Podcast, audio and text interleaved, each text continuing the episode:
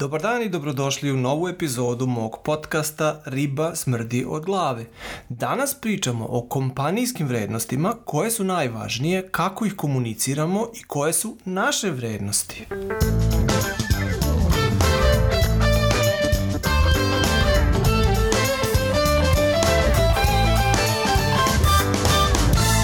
Dani, i dobrodošli, ja sam Darko Pavić i u današnjoj epizodi ćemo pričati o kompanijskim vrednostima, a posebno o vrednostima mojih kompanija. Ja sam inače suvlasnik dve kompanije, Service Plusa i Fiscal Solutionsa. Oba dve su IT kompanije koje postoje već dugi niz godina. Ehm, da budem tačan 18 godina. 2003. smo osnovani i danas smo aktivni u pa sigurno jedno 15 do 20 zemalja ovoga sveta. Znači prilično internacionalni.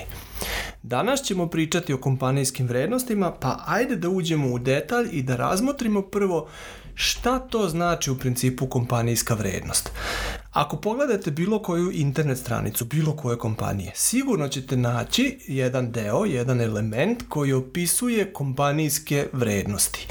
To se isprepliče često sa vizijom i misijom jedne kompanije, a u principu se radi o stavovima i pogledima na, na svet i na život, odnosno o razmišljanjima ili idealima čak koja jedna kompanija smatra za važnim. Na osnovu tih komuniciranih vrednosti se može vidjeti u principu šta kompanija smatra za dobrim, a šta za lošim, šta je za nju važno, a šta nevažno, čemu želi da se posveti u budućnosti, a čemu ne, šta je za nju uopšte nije ok, a šta je apsolutno ok. Najbolje da odmah razjasnimo i zašto se te vrednosti e, komuniciraju i objavljuju, pa zato da bi partneri, kupci, dobavljači i sami radnici jedne kompanije imali mogućnost da upoznaju tu kompaniju, tako reći, i onda da se identifikuju ili ne identifikuju sa njom. Naravno da se uvek identifikujete samo sa onom kompanijom ili sa onim ljudima koji imaju slične poglede na svet i na život. Iz tog razloga je komunikacija ovih vrednosti jako važna. Siguran sam da ćete se svi složiti sa mnom da je važno komunicirati te vrednosti i da one stvarno imaju smisao.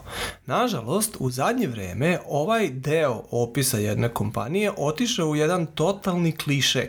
Na kraju krajeva izgleda kao da kompanije prepisuju jedno od drugih i kao da ne pridaju tom delu tu neku važnost koju taj deo u principu ima.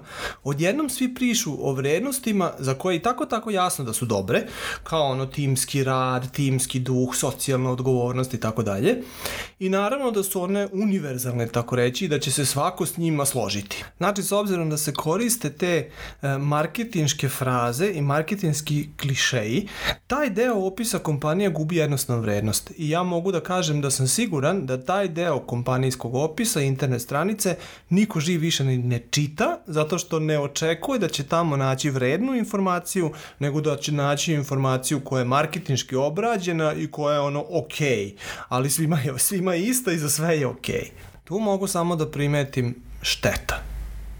Na drugoj strani postoji kompanije koje na neki drugi način pokušavaju te vrednosti da definišu. Znači ne time što prepisuju marketinške fraze od drugih ili uzmu iz, iz knjige o marketingu, nego pokušaju naći neki način koji onda onaj koji čita smatra za interesantnim.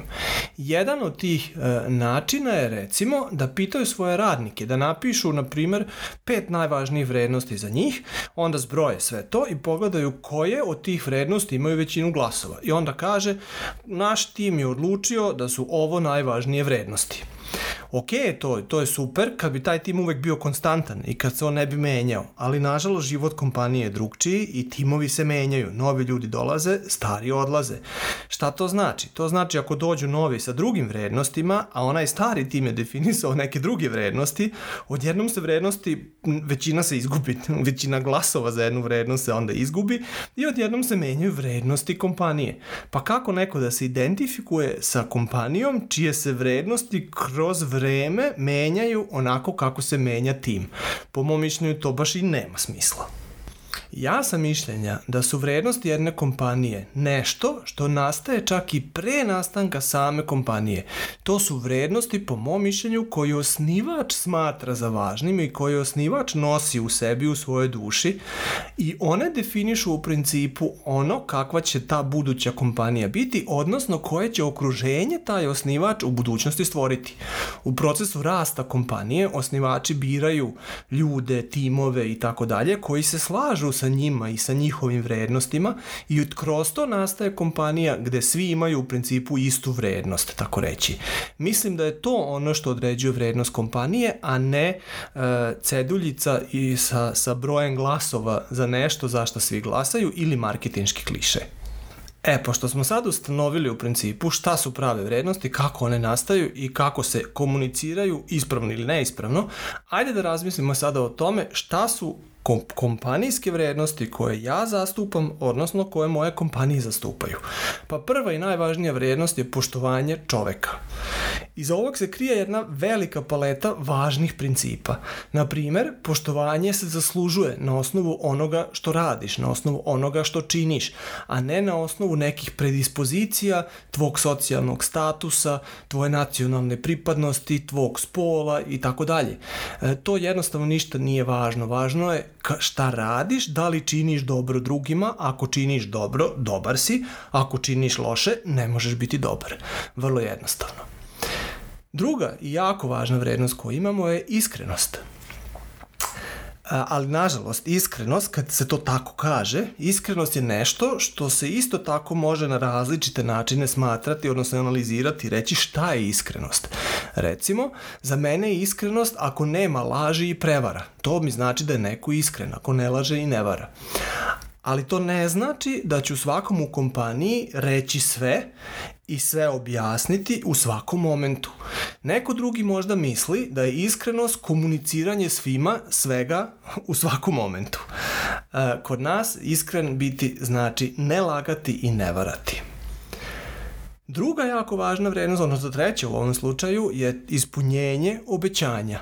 Ako sam neko dao, nekome dao neko obećanje, sad ne mislim direktno na sebe, ali i na sebe, nego ako je neko u kompaniji nekome dao obećanje, on ga ne sme zaboraviti i mora ga ispuniti.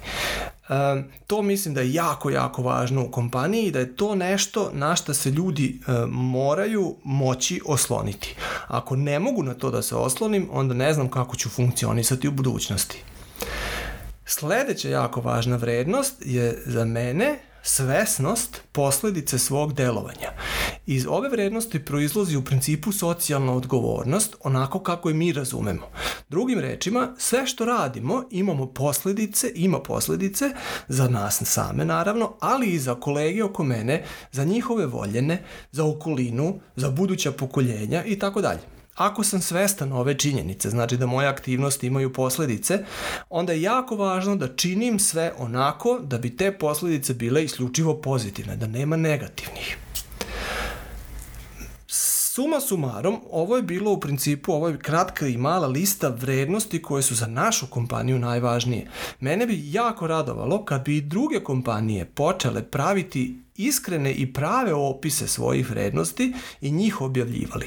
Ja smatram da je to jako, jako, jako važno, jer taj opis je u neku ruku i komitment odnosno nešto zašto se onda ta kompanija može držati, to ako ono drži mi je za reč, u principu rekla je da je takva. Na taj način bi jako, kao ja kao radnik, ja kao partner, ja kao kupac, jako lako, ili dobavljač, jako lako mogu da odlučim da li neka, i da analiziram, da li neka kompanija stvarno interesantna za mene ili ne. Nadam se da vam se u ova tema u ovoj epizodi svidela.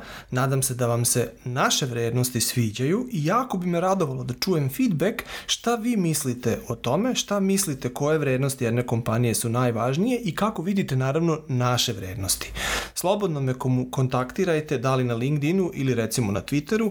Na Twitteru me možete naći e, pod imenom Pavić Darko, a na LinkedInu Darko Pavić naravno. Ovaj, ostavite poruku, ostavite komentar ili možete da mi pošaljete naravno izvučnu poruku e, na, kao odgovor na ovaj podcast. U svakom slučaju bilo mi je drago da smo se družili u ovoj epizodi i slušamo se sljedeći put. Lep pozdrav!